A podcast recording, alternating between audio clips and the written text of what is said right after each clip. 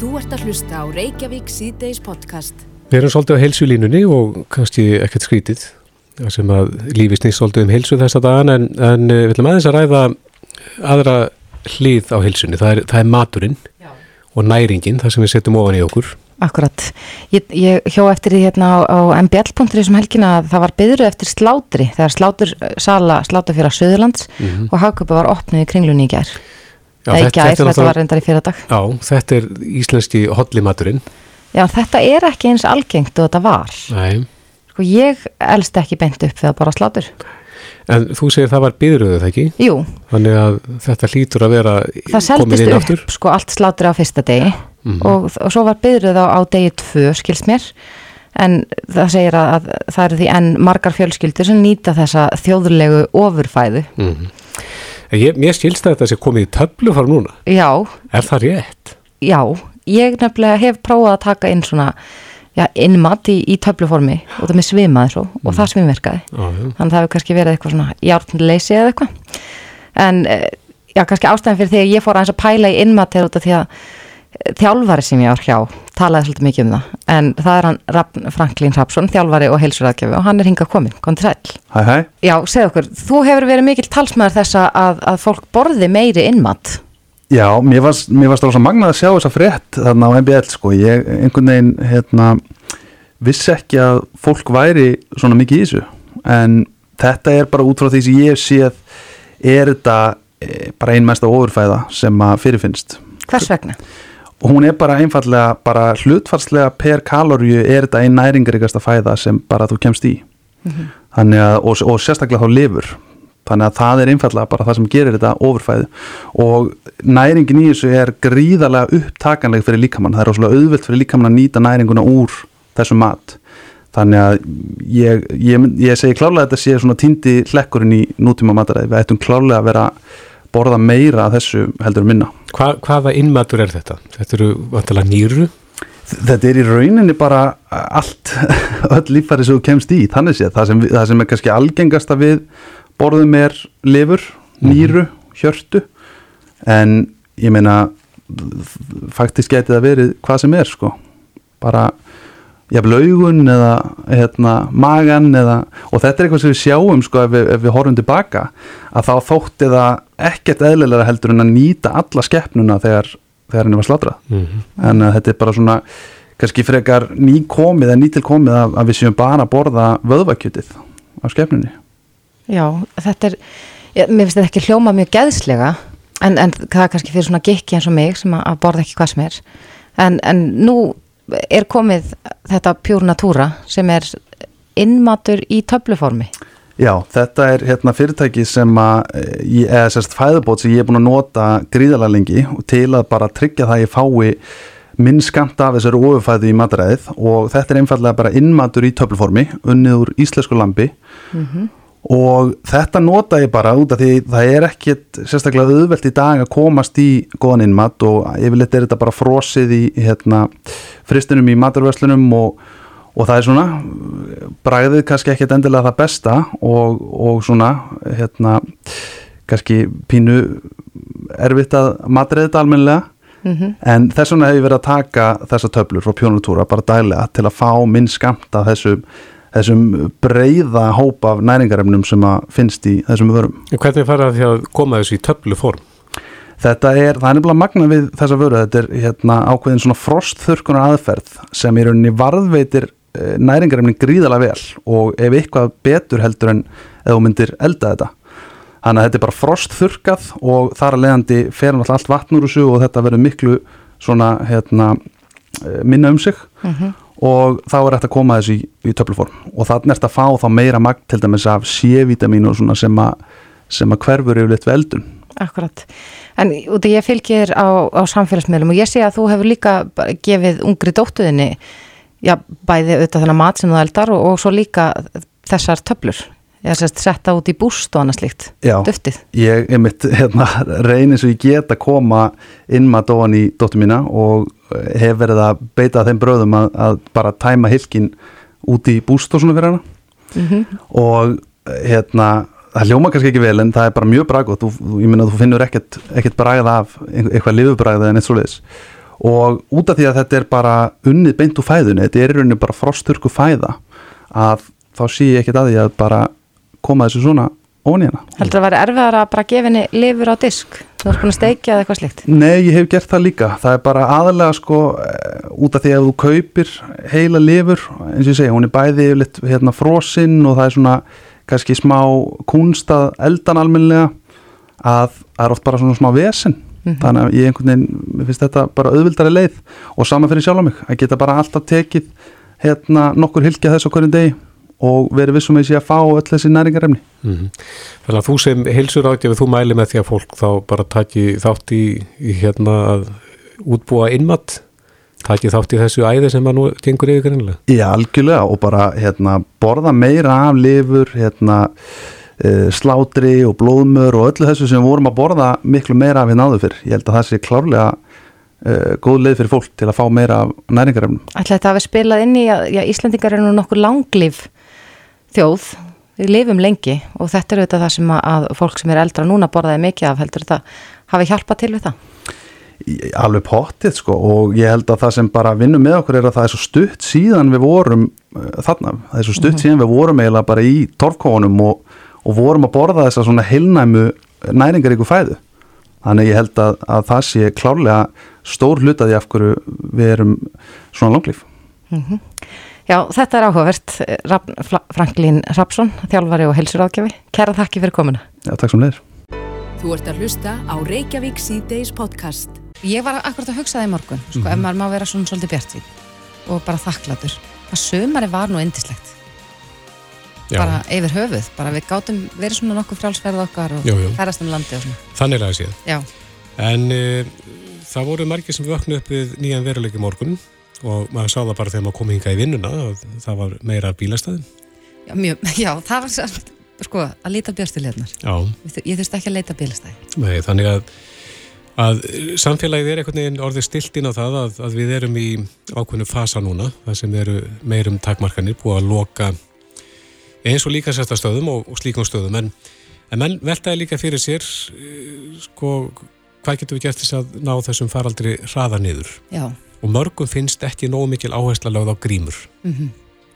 Það er auðvitað búið að setja grímur skildu svona við, til dæmis eins og í strætó núna, mm -hmm. núna er, skilda að vera með grímu í strætó, alltaf, og svo eru þetta, ef þú veist, í, í þannig návi við fólk eins og á snirtustofum öðru slíka, þá mm -hmm. er, er grímur skilda. En, en hvað myndi gerast ef við værum bara öll alltaf með grímur? Já, allstað sem við kemum, Já. út í búð og það sem við erum kannski í fjölmennu og inn á stöðum það sem við þekktum ekki alla. Mm -hmm.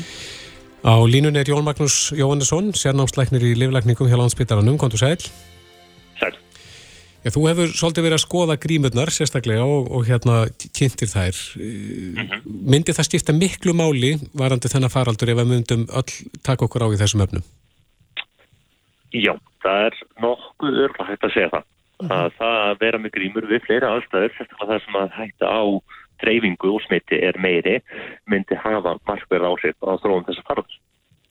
Eru til dæmi um lönd sem hafa sett á grímuskildu og eru kannski að ná öðruvísi já, tökum áfaraldrinum heldur en við erum að gera nú? Það eru viss lönd, það sem að maður getur séð nokkuð skipt dæmi um það, það sem er svolítið flókið uh, í þessar umræðu, þegar flækti þetta náttúrulega fyrst snemmi faraldrinum, er að þau lönd sem hafa beitt grímuskuldum til þessa. Hafa líka beitt mörgum öðrum yngri og þar má til dæmis nefna Suðukóri Suðukóri er svona dæmigerð uh, eh, fullkondæmi um land sem hafa beitti mjög snemma grímuskyldu. En það sem þau hafðu líka var viðtæk uh, smitrakning sem leitt til þess að ný tilfelli máttur ekki uh, mjög vel og ídala milli einstaklinga mjög snemma sem hefur þetta takmarskar dreifinguna líka Svo að uh, það var um tíma erfitt að segja hversu mikið skiptir grímur, hversu mikið, miklu skiptir að grímunar, hversu miklu máli skipta önnur úr það er. En ég held að aðalatrið í þessu öllu er að það er aldrei einhver einn löst sem lagar allt. Þetta eru marg, mörg atrið sem hugað af og þar eru grímur alveg klarlega einn nöðsynlega liður í því. Mm -hmm. Akkur heldur að verið lag svona lítil áhersla á grímunótkun hér á Íslandi? Þetta er í rauninni blanda að því í rauninni hvað áhrif önnurland hafa að þeirra nálgun að grímum og síðan það sem við þekktum áður um grímum snemma í farðunum, ég var ekki neitt öðruvís að þýletum til að ég lagði eftir mikla áslag grímur í umræðu þegar ég var að tala um COVID-19 og þess aftar og ég, ég bara hafði rámt fyrir mér sem á árið komast. Því að í rauninni það sem við lærðum er að COVID-19 er ekki eins og það sem við höfum oft verið glímað við. Og það skiptir eiginlega tett máli. Í fyrsta lagi er það að uh, margasíkingar, margasíkingsúdómar í öfru öndunarfærum dreifa sér þannig mest ef fólk er með mikil yngjörni. Svo klassist dæmi er flensa og hún dreifist fyrst og fremst þegar fólk er með yngjörni flensu. Það sem við lærðum bara svona, þegar leiða á er að fólk að veri og er smittandi með COVID-19 áður neinn sem kom fram og það er ekki bara það að það getur gæst, það getur gæst hjá mörgum öðrum. Heldur viðvist smitt áður neinn kom, kom fram vera stór liður í dreifingu COVID-19 sem er ekki raunin hjá mörgum öðrum þannig skiptir kannski ekki miklu máli varandi flunnsuna að allir sem er maska alltaf því að þá er í rauninu bara þeir sem eru með enginni þeir sem að við þurfum að hafa ákveð af.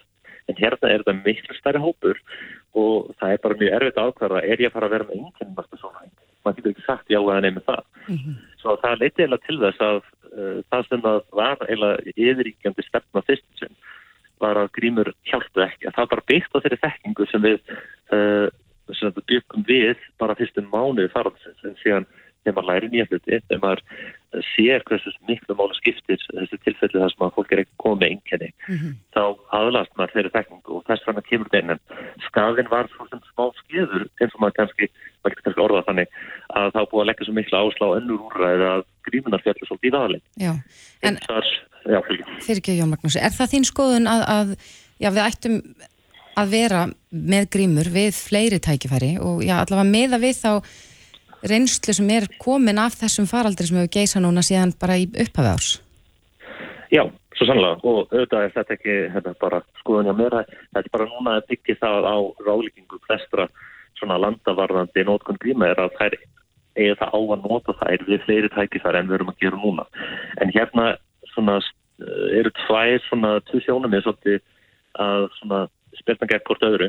Það er annars verð það hvaða ráðleggingar eru bestar hvaðandi grímunótkun og tryggja það að flestir nótigrímur. Sumir uh, stýða það sjónum með þeim að það er best að höfða til þess að bara allir nota viskinn sem er aðstæður og tryggja það að þá fórt nótigrímur þegar það er á að fólk sé í návegi við hvort annað í lengur tíma. Og þá erum við fyrst og fremst að tala um innan við eins metri við hvort annað en það er svo sem allt er lægja með við 2 metra og þá sérstaklega því lengur sem þú ert í návið eða einhvern annan á hann grímu er meira hægt á dreifingu ef annan hvort einstaklingurinn er með COVID-19. Svo þetta er aðstæðan það sem að grímunar klárlega gera mest að gang. Mm -hmm. Hins vegar erum við ekki með það miklu fórsjónni að geta alltaf sagt til um hvena við verðum allt í einu í eins til tekja metra fjarlæð frá einhverjum í lengri tíma svo önnur lönd og önnur aðra stofnunni hafa þá bara grímur skildu á mm -hmm. þess að tryggja það að fólk sé bara alltaf með grímu ef skil kynni að einstaklega myndi lenda í því að vera uh, í þessum aðstæð. Já, en heldur að það myndi og... gagnast hér, núna, í þeirri stöðu sem við erum í akkurat á þessum tímpunkti? Ég tel áfram ekki fullkomna réttlega að setja bara almenna grímuskildu á alla. Ég held að það er því ofangengið uh, af markþættum ástæðum líka upp á það að gera að grímuskildu að gefa svolítið til kynna að það sé afleggingar af því að fylgja því ekki og ekki allir hafa fullkoma aðgengi að grímum. Hafa ekki efna á grímum, það eru auðvitað raunveruleika margra, hafa ekki aðgengi að því að geta sig grímur. En ég myndi segja hins vegar að það ætti að vera miklu ríkari grímuskylda að við aðstæðar það sem er mjög líklegt að það muni verða aðstæðar það sem að grímur er gæti, svo uh, matverðverslanir. Mm -hmm. Það er mjög líklegt að það komi einhvern tíman að því þó hvort sem þú ert að byðruð eða reyna að fara á þannig að vestlengur mjög litla vöru. Það er líklegt að þú komist innan með tvekkjumetra við einhvern mögulega í lengri tíma, hittir einhvern skindila uh, sem þú kannast við. Svo það er kannski miklu frekast það að við þurfum aðlæst þeim raunveruleika að þó að það sé ekkert endilega grímur skilda, þá þurfum að búa til umhverfi sem að hvetu til grímunótkonar við sem flestar aðstæðs og það eru grímur afgengilegar í flestum maturverslunum, uh, veitikastöðum, sölustöðum, öðrum að það sé svona bara hvart til þess að fólk noti grímur við allar mögulega aðstæður þar sem að fólk er að hittast. Mm -hmm. Og þar verður gott aðgengið að grímur líka? Það er líka latrið. Ég hugsa að hluti að þessu er að víðast hvað sem við erum að fara, það er nægt aðgengið að splitti og fólk nota splittið mm -hmm. og það er gott aðgengið að hönskum og fólk notar hanskana en það er eitt og sér hanskas ekkert endilega líkilatrið þessu því að eitt sem er mikilvægt að hafa í huga. Snertismitt er möguleg, uh, mögulegt með COVID-19. En ef við erum síðan að spritta okkur og síðan nota hanska þá erum við rauninu búin að gera hendurna nokkur hreinar. En síðan erum við óhreinka hendurna með því að snerta hanska sem aðrir hafa gráðast í. Mm -hmm. Það mætti kannski frekarleiki ásla á að Vestlæni hafi aðgengilega maska, kannski fá gefins maska frá hérna, uh, svo tóna ég völdum til þess að tryggja það að allir geta verið með maska sem vilja vera með maska. Já. Ég held að það eitt og sér myndi lega til aukin á nótkunar uh, fyrir ekki, ekki maska gríma við uh, fjölda aðstæðan. Mm -hmm. Rétt aðeins í lókin Jón, uh, ég heyrði Eh, ágættis viðhorfið að reynda sem sló mig ágætlega. Það var maður sem sagði það að besta leiðin til þess að, að reyna að forðast smitt er að ímynda sér að maður sé sjálfur smittaður mm -hmm. og haga sér eftir því og þá mhm. myndir maður kannski setja upp uh, grímu og, og hérna og passa fjarlæðin og allt það. Að... Já, það er það er gilt sjónamið og maður kennast því ef einhver hefur verið sótkví áður, ég hef eins og verið í sótkví að þá maður upplifir það þegar maður upplifir að geta mögulega smita eitthvað annan þá verður maður sjálfkrafa uh, varkarari mm -hmm. þetta fylgir því hins að vera svolítið bara kvíðin alltaf en ég held að aðalatir séum þetta hugsun um það veist ádrei engin veit nákvæmlega hvort það séum með COVID-19 eða ekki og maður verður svolítið á þessum skrifnum tímum að gera ráð fyrir því að maður getur smittað einhvern eða geta fengið smitt frá öðrum þarf til að lána sannast og þetta er því miður þessi leiðanlega raunveruleik sem við þurfum að lifi í en ég held að grímur getur verulega ekki aðeins mingasmitt, þetta veit okkur það örgi að geta gert vissar hluti sem að annars gæti verið hættilega okkur og öðrum. Mm. Ef við styrjum undir þá er það upp með grímundar? Auka grímundar og sérstaklega aðstæðar þar sem að fólk er að hittast. Já, Jón Magnús Jóhannesson, sérnámsleiknir í Livleikningum hjá landsbytalanum. Kæra þakki fyrir þetta. Takk sem leis. Hlustaðu hvena sem er á Reykjavík C-Days podcast. Það er nýr veruleiki hjá mörgum í dag sem hafa ekki komist í rættina sína og við veitum að þetta er haldreipi hjá mjög mörgum, stórum hópi fólks. Sveinu hverji hafa lítið annað heldur en að, að mæta. Þetta er, þetta er félagslegt líka, það er að segja mæta, hitta vinni sína og, og taka loðunum, mm -hmm. eða hvernig sem það er. En eh, Janus Guðlöksson, íþrótt á helsufræðingur er á línu, kom til sæl. Mannið sæl. Þú þekkir vel áhrif hreyfingar á líkamann og svona hvað þetta gerir fólki. Hefur rannsakað þetta meðal annars? Já, við erum að sjá mjög fína nálgum á þessari hreyfingu á okkar hóðum. Já, og þú hefur aðalega verið að skoða það ekki helsu eflingu eldrafólks? Já, við hefur verið að skoða 65 ára eldri, mm -hmm. núna í, á þriði ár, samlega og matnitsrið þjóðum. Og hver eru svona ykkar helstu niðurstöður í þessum konunum ykkar? Já, við sjáum það í okkar verkefni og nú erum við búin að vera bráðum í þrjú ár með uh, heilsueflingu í, í fjórum sveitafélagum að við erum að sjá að uh, afkast að geta þessa fólks er að, er að batna. Þáttur mm -hmm. er hækkandi aldur. Við erum að sjá að, að hérna, styrkurinn er að aukast, vöðvamassi er að snúast til betri vegar og fýtumassin þá að minkaðum leið þannig að þetta verið bara mjög ánægilegar niðurstöður og við sjáum einni, við erum með mat á heilsu, við erum að meta hann út frá alþjóðlegum staðli mm -hmm. og, og við sjáum að með, já, við erum að mæla þau á, á sex mánuða fresti og þá sjáum við að þeim líður betur og betur þrátt fyrir hækkandi, hækkandi aldur þannig að það er eh, eiginlega ótvirægt hvað heilsan hefur Nei, hvað reyfingin hefur mikið að segja fyrir helsuna. Núna er já, nýbúið að tilkynum það að, að líkamsrættastöðum verið loka og þeim var lokað í dag á minnati en eh, er þetta, er þessi staða sem komin upp núna heldur og hún muni hafa slæm áhrif á, á þá sem eldri eru og þá sem hafa stundamarkvisa reyfingu já, áður en að var komið til lokana? Nú er erfitt að segja við, við tó, fyrstum að taka þessu í fyrstu bylgu. Mhm. Mm og uh, sáum það að breytum náttúrulega okkar nálgunum sem við þurfum að gera aftur þannig að skila búið mín til bæ, bæði, nei segi bæði eldri og yngra fólks, það er í rauninni að láta ekki dega síga og, og, og fara, fara það út, nota uh, já, nota náttúruna til, til, til reyfingar mm -hmm. þurfum í rauninni að sala reyfithörfunni og ekki síður sko félagslega í þátturinn er, er mikilvægur. Við höfum verið að vinna í frekar fámennum hópum, höfum ekki farið yfir 20 þannig að við getum leift okkur að vera með 20 manna hóp í kannski göngu, göngu þjálfun og höfum einni verið með styrk og nota við það tegjur en uh, á þessum tíma og við sjáum og sáum það að því við erum nýbúin að mæla hóp sem við mældum síðan eila hóp sem kom inn rétt fyrir uh, sko fyrstu bylgju. Mm -hmm. Við erum að mæla hann aftur núna sex mánuði síðar Já.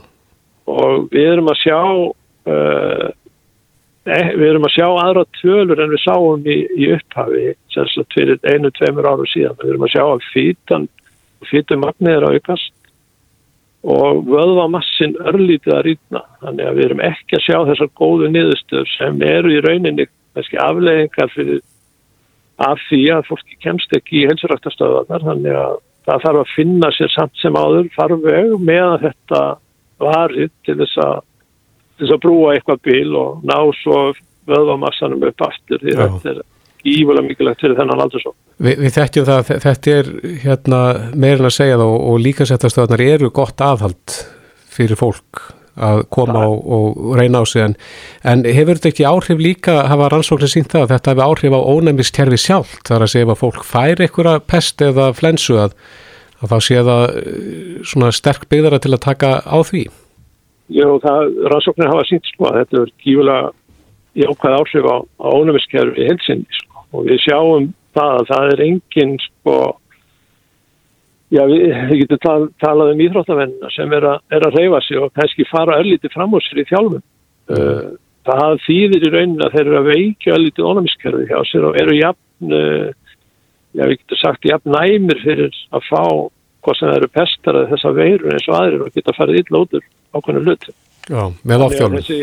Já, þannig að ég, ráðlegging mín líka er svo að finna sinn gullna meðalveg á, á þessum, þessum tíma. Mm -hmm. En meðan heilsurækta stöðvarnar eru lokaðar þá er bara mikilvægt að stunda daglega hreyfingu. Þetta er ekkit síður áhrif á blóðflæði til heilans og andlega og líkamlega legt aðgerfi. Sko. Já. Hefur þú orðið varfið það að, að þegar að svona gerist og, og eins og í þessu tilfelli að þessum stöðum er lokað að, að fólk detti út og eigi erfiðar með að koma sér að stað aftur? Við, eh, það er, það er hjá okkur er það fáminnur hóp. Við reynum bara að halda það vel utanum okkar skjóstæðinga, við ringjum í þá, uh, hvetjum það til dáða, hittum þau að vísu, sko, að vísu ekki í helsurættastöðunum, við hittum það þá í, á, gangu, á gangulegðum og, og söfnum þeim þar saman í, í fáminnum hópum. En það kemur fyrir og að, að fólk detti þá frekar út eða veira sér við að að fara út á meðal fólks. Og þetta er eitthvað sem við verðum bara að hvetja hvort annað til þess að, að varast. Að það er eina, eina, einafrasi og þess vegna er ég hlustaði nú á Bjarnar í Benediktsson í, í morgunútvarpinu hjá okkur í morgun í bítinu er, já, í bítinu og þetta er kífilega mikilvægt fyrir þennan aldursók sko að, þessar heilsutengtu forvartir þú getur gett svo mikið sjálfur Já. Eh, en það er gott kannski að fá leiðsögn á kvartningu og hún er aldrei mikilvægari en núna á þessum, þessum tíma. Já. Janus Guðlóksson, kæra þætti fyrir þetta. Já, sem leiðis, vangi guðel. Sem leiðis, bless, bless. Reykjavík síðdeis á bylginni. Ég rakst hérna á áhugaverða greini í læknaflæðinu. Já. Ég verð nú að segja meðist fórsíðan ekkert sérstaklega svona kræsileg, kræsileg mynd, myndir af gallsteinum en svolítið eins og græna bönir mm -hmm. en þetta sem sagt greinum viðtal við réttarmeinafræðing þar sem að kemur fram að hann hefur kröfið næri 190 lík vegna óútskýrra döðsfalla hér á landi. Já. en þetta eru álíka mörg lík og kröfin voru allt árið fyrra. Þannig að það er, er fjölgun í, í þessu? Já, mér sýnist það á, á þessari grein og, og já þetta er nú kannski svona orðalag sem að maður er ekkit endilega vanur að heyra óutskýrð döðsföll mm -hmm. En hann er á línni, Pétur Guðmann Guðmannsson, réttamennafræðingur, kom til sæl Kom til sæl Kannski til að byrja með, hvernig skilgreinir maður óutskýrð döðsföll? Það er ekki mjög ströng vísindaleg skilgring á því en þetta er svona eh, ég lega kannski svona sapn heiti yfir þau tilfelli sem við erum yfir að vinna með sko réttarmeina fræðingarnir þegar við erum að rannsaka döðsföll. En það er þó þannig að um, stundum uh, ber döðan að brátt og, og óvænt og það getur þá bæði verið slís, sjálfsvík, sjúkdómar og uh, þá þegar svoleis er að þá verða tilfellin á, uh, sjálfkrafa lögreglumál. Mm -hmm. og lögreglan hefur ákveðna skildu að varpa ljósi á það þegar að fólk deyr svona óforvarindis og þá uh, berast tilfellin á borði til okkar Mhm. og þau eru auðvitað mis, mikið óútskýrð og oft eru þau bara óútskýrð með tilliti til þess nákvæmlega hvar var einhver blæðing eða hvort var það höfuð áverki eða heila stopps áverki oft eru það fínessur og oft eru það alveg óþægt af hverju fólk dó Mhm. Er þetta eitthvað sem að þið setið í samhengi við stöðuna í COVID-málum? Þar að segja, er, er það, spila það eitthvað inn í? Sko það sem við erum að horfa á er að uh, það er klárlega töluvert miklu fleiri tilfelli að fara að koma til okkar þetta árið heldur en önnur ár. Ég, ég gerir mér ekki alveg grein fyrir nákvæmlega hver ástæðan er og uh, ég efast um að þetta sé engungu sko aukning í þessari tegund döðsfalla. Þetta getur líka skýrst af kannski að fólk farið að hugsa öðruvísi, sko þar að segja þeir aðilar sem að rannsaka þetta, lauruglan og hér að slæknir svo kallar sem að er lauruglunni til stuðnings þegar svona ber að, þegar að taka á ákvörðun alls og hvort það gerði verði réttakrupning eða hvað. Þannig að það getur verið að fólk sé bara með læri þröskuldreinlega fyrir að rannsaka betur þau döðsvöld sem verða og skilgreina þau þannig sem óutskýð. Það er svona eitt sem er dettur í hug á þess að ég efast um að það sé mjög svona dramatísk aukning á slísum og sjálfsvíðum til dæmis. Nei, en það hefur nú verið mikið talað um já, svona líðan fólks og, og, og andlega líðan e, já, í tengslum við COVID að einangrum geti haft slæma áhrif á fólk og annað slikt. En, en þessar tölur, e, það stendur hér í þessari greina að það hafi verið svona um 200 tilfelli á ári en, en það sem er afverð þessu ári er þetta 190 Já. tilfelli. Já, og við erum að detta í 200 svona nú um þessa myndir sko og það eru næstu því þrýr mánuður eftir á árinu svo að það, það er klárt að það verður töluvert miklu fleiri í loka ársins heldur en er á venjulegu ári Mhm. Og það En- verður ekki hægt að sjá kannski nákvæmlega hvað það er fyrir að árið er liðið hreinlega sko. Einmitt. En Pétur, nú ert, erst þú ekki eini rétt að meina fræðingurinn? Jú, það má segja það, en núna nýverið erum við búin að tengja við okkur einn, rétt að meina fræðingi viðbót, snjólaug sem er búsett í Kaupmannahöfn og hún mun koma hérna og vera eins og eina viku í mánuði svona taka aðeins uh, svona kúfin af. Ekki veitir af svona meða við þessa fjölgun? Nei, einmitt, einmitt. En hvernig er, er þetta starf? Já, það hlýtur að vera mikil innvera fólkin því að, að krifja og þe þeir eru staðsett þarna í kjallarnum og barónstiklum ekki sett? Já, já, maður er náttúrulega aldrei einn sko, þannig, en, eh, en við erum nú með aðstofmenn og, og svo eru nú aðri læknar á spítalannum og hérna á deildinni á þessari rannsóknar einingu sem að geta verið til ráðgjafar og eitt og annar, þannig að það er í sjálfur sér ekki einmannalegt svoleiðis, Nei. en það verður nú að segjast að það er svona, samt svona faglega séð, er þetta svona einangrandi staða að vera eini á landinu og þess vegna fagnaði ég mjög að hún snjólaug skuli vera að, að koma og, og rétt að hjálpa hund. Mm En hvernig eh, fyrir okkur sem að kannski þekkjum starfi ekki mjög vel nema kannski úr, úr uh, þáttum eða bíómyndum, er, er þetta líkt því sem við sjáum í þessum þáttum? Nei, ég myndi nú ekki segja það. það er ekki, þetta er ekki vel útskipt í sjóarpinu og í, í sjóastáttum. Nei. Um, uh, þetta, þetta er svona töluvert, töluvert ólíkt því, það, svo maður segir nú ekki meira. Hver, hvernig þá? Hver, hvernig myndir dregin upp í sjónvastáttunum sem passar ekki kannski við raunuleikan? Já, það er, það er bara sennilega það að það er kannski hlutverk réttarlæknisins er kannski svolítið vittlust skilgreinstundum í sjóarpinu þar sem að e, hér hjá okkur er það lögreglan sem er rannsakandi og hefur hildar yfirsýnið í málið og við höfum til dæmis bara þetta litla púsl sem er að vísu minn stórt fyrir málið sem er þá líkaminn sjálfur og, uh, og síðan náttúrulega og, og þessu er blanda mjög mikið samanvort í sjóvarp og myndum sé ég það sem annarkvort er lögregla að skoða líkið og analysera það eða þá réttalæknirinn gengur um með bissu og bankar upp á fólki og yfirheyri það. Já. Þannig að það er kannski, það er kannski líkur fyrst og fremst í þessu. Mm, þið þurfa að gefa hinnum látnu rödd, er það ekki?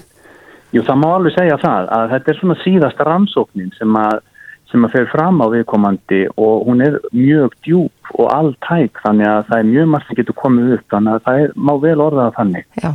Er þetta vinsæl sérgrein, réttamennafræðin?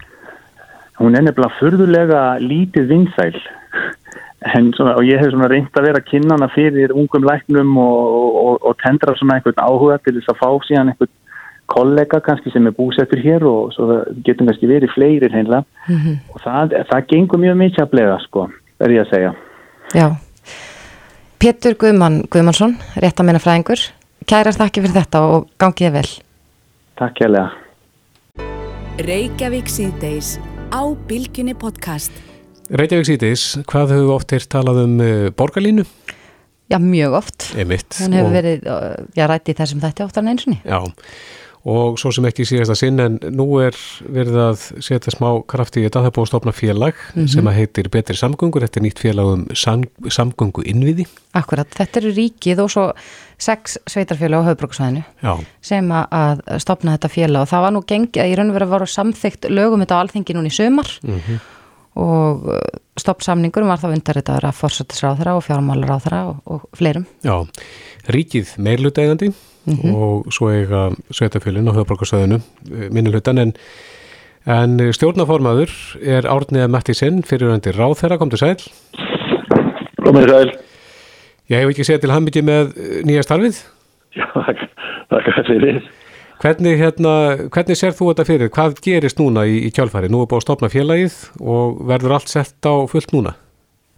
Já, já, nú verður allt eh, sett á, á fullt en En félagi eru þetta að vinna í áallun sem er samkvæmlaga millir sveitafélagana og ríkisins og, og hefur verið staðfest og samþýrt af, af alþingi og uh, þetta eru fjölbreytt samgöngu úræði á hugaborgarsæðinu. Uh, fyrirferðarmest eru, eru uh, framkvæmdir og borgarlínan er, er hluti af þessu en það eru jættrænt hjóla og, og göngustýr og, og svo er eins verið að, að uh, huga því að bæta umfraflæði og, og öryggið og stýra þannig þannig, þannig að kerfið afkasti sem, sem mestu. Mm -hmm. Eh, nú var við, ég man að við tókum viðtal hérna í, í sömar við eh, Sigmund Davíð þar sem hann var nú nokkuð gaggrinnin á stopnun hlutafélags, eh, ofinbærs hlutafélags í, í kringum þetta allt saman. Getur þú, já, útskýrt fyrir okkur hvers vegna stopna þar félag utanum um svona verkefni?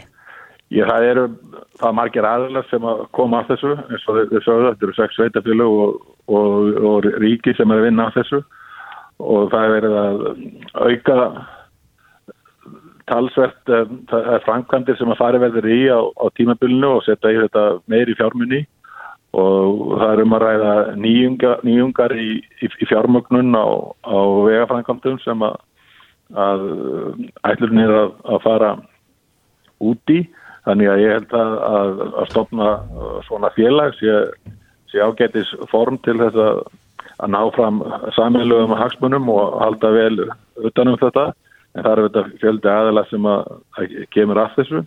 En auðvitað má alltaf deila um það hvaða, hvaða form sé, sé best.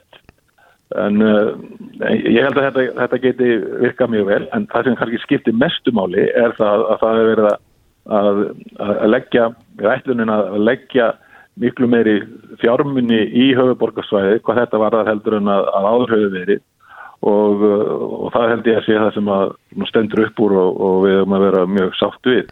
Já, er, er þetta eilíðarverkefni eða er þetta tæmandi atriðælisti sem að félagi þarf að klára? Nei, ég held að samgangubætur í, í vaksandi samfélagi séu eilíðarverkefni. Þannig að, að ég held ekki að þetta sé, sé tæmandi um það hvað þarf að, að gera.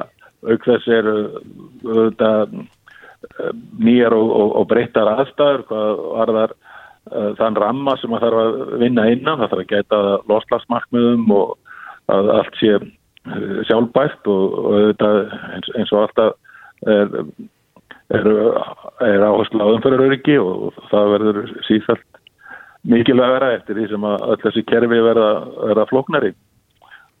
Já, akkurat.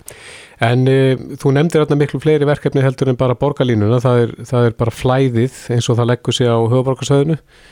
Já, já, já, sko, þetta borgarlínan svo góð sem hún er, að hún er einungis hluti af þessu og, og stærsti einstakir hlutin eru einir hefbundu stoppvegir á, á, á, á svæðinu sem að munum greiða umföruna fyrir, fyrir fjölskyldibílin eða enga bílin eftir í hvaða orðmenn vilja, vilja nota. Mm -hmm. en, en borgarlinnan er auðvitað til þess gerða að bæta almenni samgókuna sem að vonandi ef að veltekst til að mun leta einhver leiti á bílasamgókunum en auðvitað eins og komum við fram í, um, í umræðinni að, að þá er það ekki auðvöldverkefni og við sjáum það frá, frá stórum og stekkandi borgum í nákvæmlandunum að, að, að það eru margvíslega verkefnin sem að þarf að leysa þessu tengt og það er ekki alltaf auðvöld. Nei.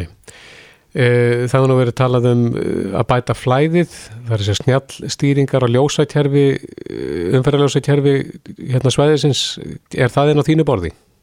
Já, það er, er hluti af, af verkefninu að, að, að vinna í því og uh, það þarf auðvitað að nýta nýjustu tekni og úrraði til þess að, að það geti gengið og við vonumst til þess að að uh, okkur muni takast af. Já, er, er eitthvað tímaramið á því?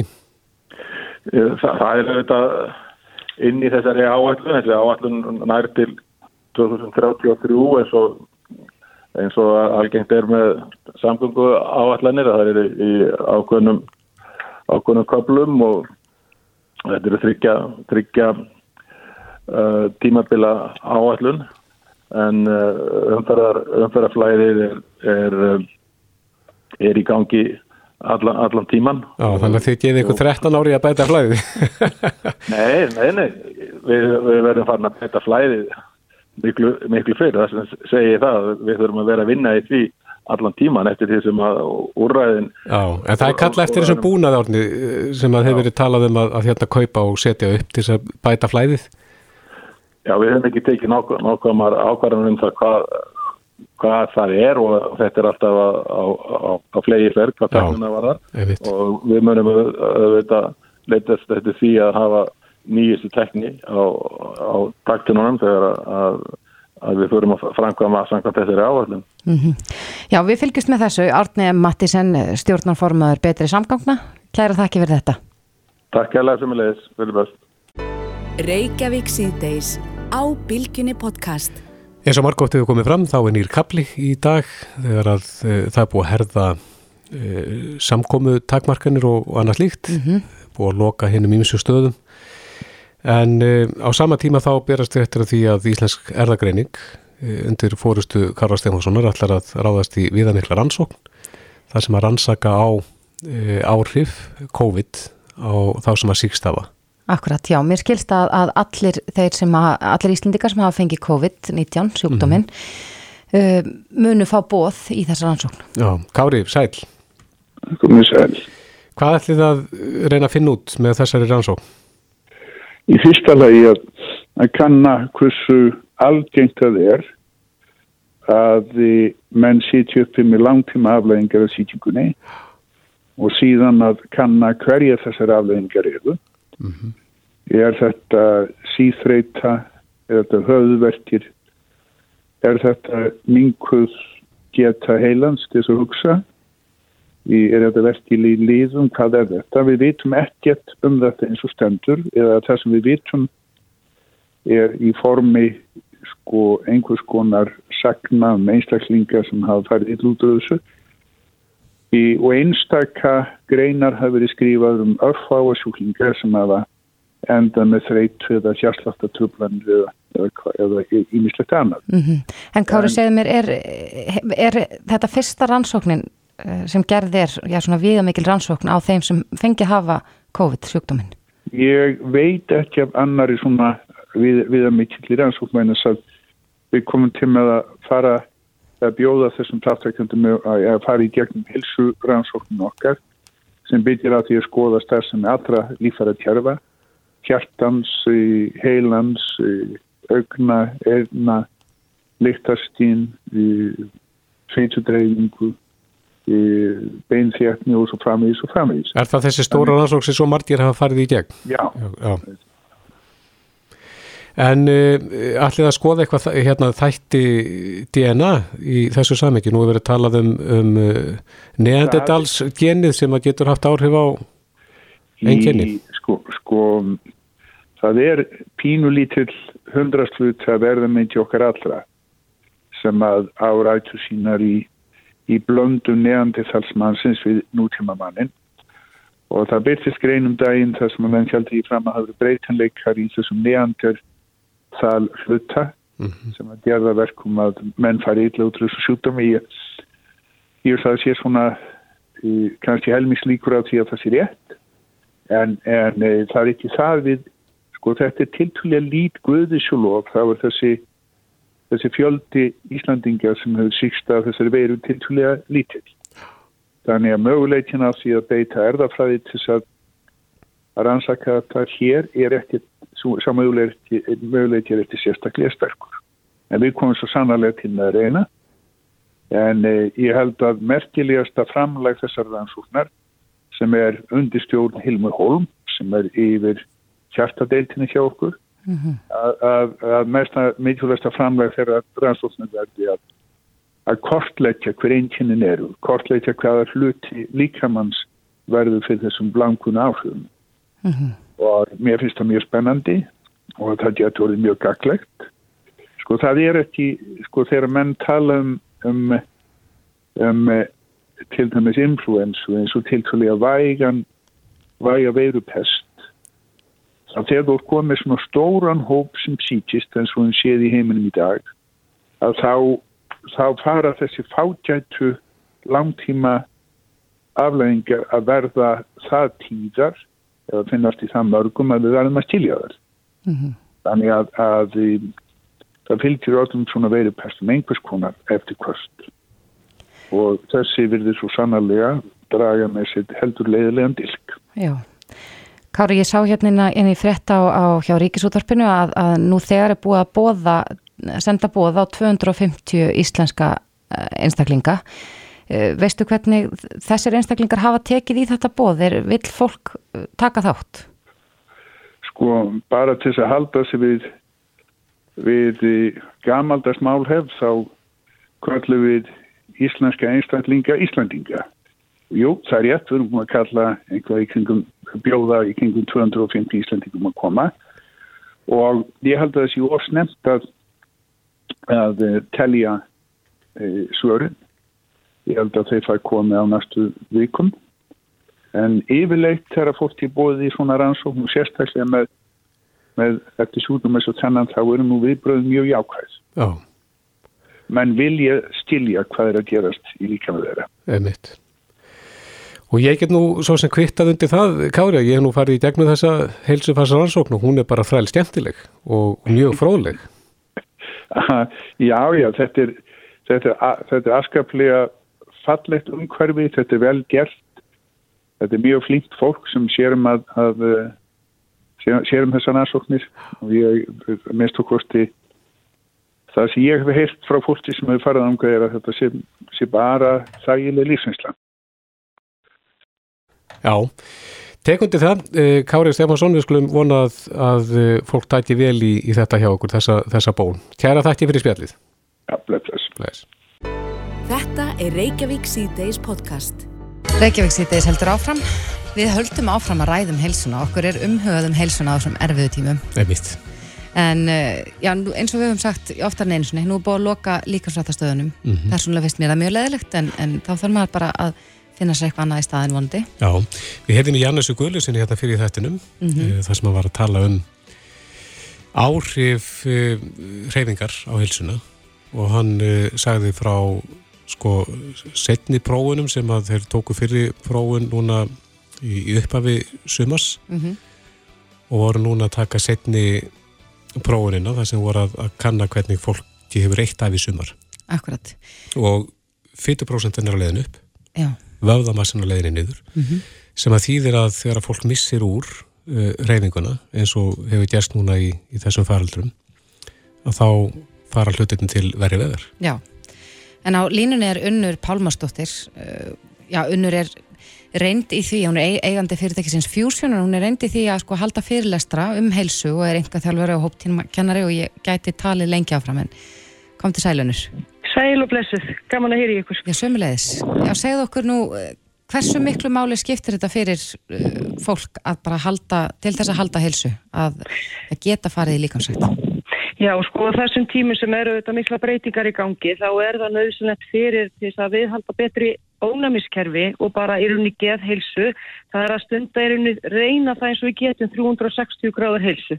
Og það þýðir að við þurfum að bara aðlaga speytum aðstæðum í heiminum í dag og uh, fara vera djúlega við það að halda hreyfingunni inn í, í aganum hjá okkur. Það er, við erum vönd til dæmis að fara að stunda hreyfingu og ef ekki þá helst að byrja helst ekki setna enn í dag. Og við getum gert það með svo mörgum háttum sko. Við getum farið út að ganga til dæmis og við getum farið út að hlaupa, farið upp fjöllin. Og einni núna eru svo margir sem bjóða upp á þessa nýjung sem er netþjálfun, það er ótal aðeinar sem eru á því. Og það er skiptið miklu máli bara upp á að við getum haldið áfram og láta okkur hlakka til komandi tíma og sigrast í rauninni á þessari veiru vonandi. Því að auðvitað eigum að segja líkam og við þurfum að fara og huga vel aðeins líkamánum okkar. Og það er ótrúlega mikilvægt. Og líka sérstaklega nefni ég fyrir líka fyrirtækja stofnanir að passa vel og huga vel að mannuður núna þar sem á þessum tímum.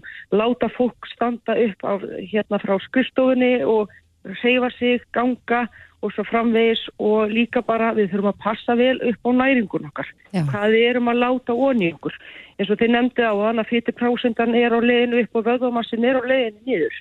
Það þýðir að við þurfum að rauninni huga vel að næringunni borða nú að græmiti og ávöxtum og próteini fá, kaupa fisk, kjúkling og passa bara hvað við erum að leggja að setja ofan í okkur, Já. bara holt og fæði. Já. Akkurat, Unnur, þú, já, þú varst að gera um, já, verkefni, var það ekki, um akkurat þetta sko innan fyrirtækja. Finnst þér vera nægilega mikið um að, að fyrirtæki sé með eitthvað svona yfirlista heilsu stefnu eða annars líkt? Já, ég mitt var að klára bara í síðustu viku um master í mannustjórnun, ég mitt með þetta og það er í rauninni hvernig innlöðu við hilsustefnu innan fyrirtækja stofnana og hvort að stuðningur stjórnanda skipti máli og jú, sko, fyrirtæki eru að allu vilja gerð af því að innlega hilsustefnur og hvetja starfsfólkið sitt til að seifa sig. En það er bara oftast gleymistundum, þetta er oftast stundur sko blað sem er bara geimt honni í skuffu og lítur vel út í stefnu hjá fyrirtækjum. En við, sem stjórnendur þau þurfa mjög mikið að hvetja starfsfólksið til að hreyfa sig og sérstaklega núna. Og eins og ég segi það er að gefa þeim tíma, kannski kortir á dag eða 20 minnur á dag standa upp frá hérna skrifstofunni, stólum sínum, fara út að ganga eða það bjóð upp á jóka, nettíma og svo framvegis. Þetta bara er mjög mikið, þetta er fjárfestingi mannuðinum okkar og starfsfólki þarf að líða vel að því nú náttúrulega eikst alls konar hlutir, vanandi geðrækt eins og bara kvíði og svo framvegis. Það er ímislegt sem kemur í staði fyrir bara aðra sjúkdóma og þá er mikilvægt auðvitað seyfing, við losum endorfín og við erum náttúrulega stundar svolítið félagskap með því að hittast jáfnvel og fara í gungutúra og svo framvegis. Uh, það má nú vantarlega fara út að ganga. Og það skila sér svo margfald tilbaka til fyrirtækisins. Og hérna, já, það er mjög Heldur þú mikilvægt. að, að, að þessi félagslegi þáttur, já, eins og ef maður fer í hóptíma eða fer í, í ræktina með vinum eða út í göngur að, að þetta stuðlega að betri helsu svona yfir höfuð? Já, sko að þessi félagslegi þáttur er mjög mikilvægur upp á samskipti fyrir okkur og auðvitað þegar að sá hluti lífsins dekkur svolítið út hjá okkur eins og það er búið að gera síðan, í mars hér að þá náttúrulega kemur ímislegt annað inn til staðina og auðvitað það skiptir miklu máli. Við förum í heilsuræktina eins og í líkamsræktar stöðarnar því það er í rauninni orðnar uh, bara líkamsræktar orðin bara eins og skemmtistöðarnir voru í hérna í den sko. Þetta er félagsmiðstöðar hérna við, erum, við búum á þessari eigu sem við getum nú ekki farið mikið þannig að það er svo mikið fyrir okkur að fara að hreyfa okkur og auðvitað, auðvitað kemur þessi félagslegi hluti er svo sterk þörf fyrir okkur að hitta annað fólk, Já. tala saman og hérna eiga góða stund saman. En líka núna ætlum ég að nefna því það er öllítið að auðvitað það er að dimma þannig að hefur svolítið áhrif á mann að nú smá vaknar og það er dimmt úti og þá vil ég hvetja líka alla til þess að uh, hafa kannski uh, kveika fallegu kerti, kveika á ljósi, setja góða tónlist á á mótnana sem að geri það að verkumanni líði vel og standu upp og fyrsta sem þið gerir þegar þið standu upp það er að tegja á ykkur tegja og hérna líða, reyna að láta sér líða vel þetta skiptir miklu máli ég skal segja ykkur það Já. og já og, Já, eh, þetta eru góð ráð. Ég, við höfum nú talað um það að, að það er nú skrítið að kettir, það er að fyrsta sem þeir gera þeir, þeir vakna, að tegja vel úr sér en við viljum bara drífa okkur að stað. Já, og líka það sem við þurfum auðvitað að gera staldra við, þó þetta séu náttúrulega auðvitað núna er við tímar, þá er mikið að breytingar og við þurfum að aðla okkur breytum aðstæðum, það er að við þurfum líka bara að hugsa, ok, þetta er kannski næsta árið hjá okkur, við veitum ekki hvað þetta er lengi. Og þá betra við aðlugum okkur að breytum aðstæðum og reynum að vera svolítið bara, sko, eh, ég veit að þetta er svolítið skrítið að segja þetta, en reyna að vera svolítið þakklátt fyrir að við að búum hér á þessu fallega landi, við getum farið út að ganga eins og ég sagði á hann, farið uh, sundlögar eru opnar og svo framvegis. Og við höfum það rosalega gott með margar aðstæður út í heimi. Já. og uh, þannig að við þurfum líka að vera þakklátt fyrir það, en eins og ég segi sko líka passa vel upp á svefnin. Þannig að, að það kemur stundum óregla á svefnin okkar núna þegar það er hérna uh, svona streitu, streitu valdar í lífinu og þá bara leggja miklu áherslu á það að við þurfum að passa vel upp á svefnin og taka vítaminin okkar, C-vitamin, D-vitamin og magnesium og um að gera finna sér líkamsagt á þessu blessaða neti okkar sem að okkur þykir skemmtilega því ég sjálfur að bjóða upp á námskeið, það er fjöldin allur á líkamsagta kennurum og þjálfurum og jókakennurum sem er að bjóða upp á þetta og nýta sér þetta. Já, það er um að gera að, að kynna sér hvað er í bóða netinu. En, Já, ég myndi gera það. Það er mjög gott fyrir alla Já. og ótrúlega hérna fjölbreytt sem allir sjálfur er að bjóða upp á. Já. Unnur Pálmarsdóttir, framkvæmdastjóri Fusion, kæra þakki fyrir þetta. Takk kjærlega fyrir, það var gott. Sumulegis. Þetta er Reykjavík C-Days podcast. Já, það stýttist í fréttir svo sættastofunni, en á eftir Ísland í dag er nokkuð skemmtilegu viðbyrjastöðu 2. Þriðja serían af fósturbörnum fyrir loftið. Mhm. Ég held að þetta sé svona einn af þeim sjómanstáttum sem hafa sko gert eitthvað til þess að breyta hlutunum. Og Já, breytt opna- kerfinu. Já, breytt kerfinu, opna augu fólks. Ég man að þegar ég horfði á fyrstu seríuna, það er bara svo, maður lærir svo mikið á því að horfa og það er það sem er engjana svona gott Íslands sjómansefni. Já, Sindri að koma til okkar velkomin. Takk fyrir það. Takk Þú fyrir ert, mig. í, þú ert í rauninni að, að uh, skoða það sem að undan hefur gengið. Já, ég sko, nei, þetta er, ekki- þetta er ný mál, en þetta er raun þegar ég fór af stað, sko, fyrir þreymur árum að þá uh, tók ég fyrir nokkur mál, eða bara nokkur mörg mál og þetta eru svona málinn sem kláruðust ekki, þannig þessi seria er öðruvísa því leitunni til að uh, við erum að hitta fólk og heyra sögur sem að við tökum fyrir á tveimur, þreymur árum og við hittum fólki á mismunandi tímabil í, í lífið þeirra. Já, já. og þannig að við sjáum að þetta eru, já, þetta eru svona sögur sem, sem, sem að gerðust um langt skeið. Er þetta, er þetta tilfinningaþrungið að, að vinna að svona sjónvarsefni þar sem að, að börn er í húfi og Já, það, það getur alveg verið það. Og þetta er náttúrulega, ég viðurkenna alveg, þetta er það verkefni sem að ég er kannski stoltastur af að hafa gert. Af því að eins og þú sagðir á þann, þá hefur þetta alveg opnað augu fólks og, og, og það sem þetta hefur gert að verkum að er að þetta, er, er, sko, fóstubörn eru kend núna á þriði ári í félagsráðgjöf upp í Háskóla Íslands. Og ég fyrir mitt alltaf tvisar ári og, og, hérna fæði að vera gestakennari og fari í gegnum uh, þættina með, uh, segi alltaf krökkum, þú veist, fólki, ungu fólki í háskóla sem að hérna langar að vinna við uh, barnavernd í, í framtíðinni. Og, og hérna og þetta ger, hefur líka gert það verkum að, að, að þeir hjá barnandustofu hafa þurft að fjölga námskeiðum fyrir fólk sem vill uh, verða fóstufóröldrar. þetta gerðist í kjölfarið af, af fyrstu serinu, ekki Já, sett? jú. Og hérna, og eins og ég segi, það eru 400 börn í fóstri á Íslandi, þeim fyrir fjölgandi og það hefur verið vöndun, þannig að, þannig að og það er einmitt eitt mál í, í hérna, í þessari sériu, þar sem fólk horfið bara á fyrstu sériu, uh, gati gegna spört saman og fór þessa leið. En svo byrjar, sko, svo byrjar ballið, af því að þetta einmitt byrjar þegar við hittum þau og þau eru svona, já, okkur langar að prófa þetta og svo hittum maður það alveg bara, þú veist, það sem að þau eru byrjað að elska barnið, uh, þú veist, svo verða líka reið út í kerfi hvað gengur uh, hægt fyrir sig. Og svo sjáum við hérna endalóking, hvort sem að þau eru jákvæð eða neikvæð og fyrir hvernig þau eru jákvæð og fyrir hvernig þau eru neikvæð. Og þannig eru nefnilega nokkra sögur þarna, þar sem að maður er mitt er að hitta fólk og eins og líka eina hérna stelpu sem að hérna verður ólétt eftir að hafa átt uh, já, mjög erfið æsku og, og hérna hún man ekki eftir fóröldur sínum öðruvísi heldur en druknum og hérna svo byrjar hún í neyslu 13 ára rosalega klár stelpa, hún hérna klára samt þrjú ári MR og hérna basically bara dópuð og hérna og, og, og, og svo stendur hún uh, frammi fyrir þeirri ákvörðun að þurfa ákveða hvort hún ætlar að eiga barni þegar hún verður ólétt en hún ákveður að fara bara á fyllir í í staðin og hérna og svo er það líka hennarsaga sem við fylgjum eftir einmitt tvö ár þar á eftir, eða sérst í ár þar á eftir bara hvað hún ákveður að gera mm -hmm. allar hún eiga barnið fyrir hún í fóstureyðingu, ákveður hún að gefa barnið veist, þetta er bara þetta eru svona dramasögur þannig að meðan ég var að gera þessa þætti að þá þá var ég heldur ekki viss hvernig endalóginu. Nei. Nei. Þannig að þetta, þetta hefur svolítið svona spílast bara eftir, með tíman. Já, algjörlega. Nei.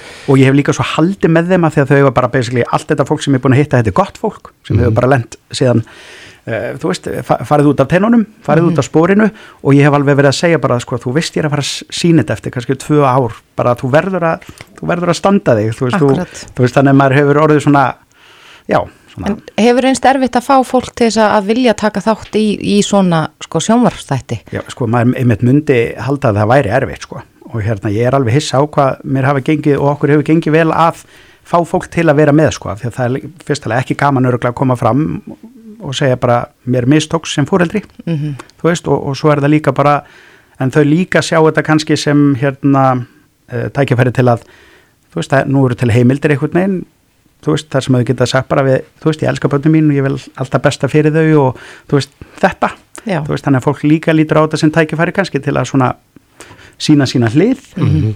og hérna já En þetta byrjar í kvöld, hvað eru margið þættir? Þetta eru sex þættir, uh, byrjar í kvöld uh, tímindri við sjö strax á eftir Íslandi dag og ég hvet fólk til að horfa. Það, þetta, eru, þetta eru mjög áhugaverða þættir og, og þeir munu alveg sko það er bara þannig að sannleikurinn er ofta ótrúlega heldur en það sem við sjáum sko í amerískum bíómyndum. Mm -hmm. og hérna þannig að ég held að allir hafi bara gott að því að fylgjast með að horfa og læra. Já, við munum horfa. Sindri Sindarsson, kæra þakki fyrir komina Takk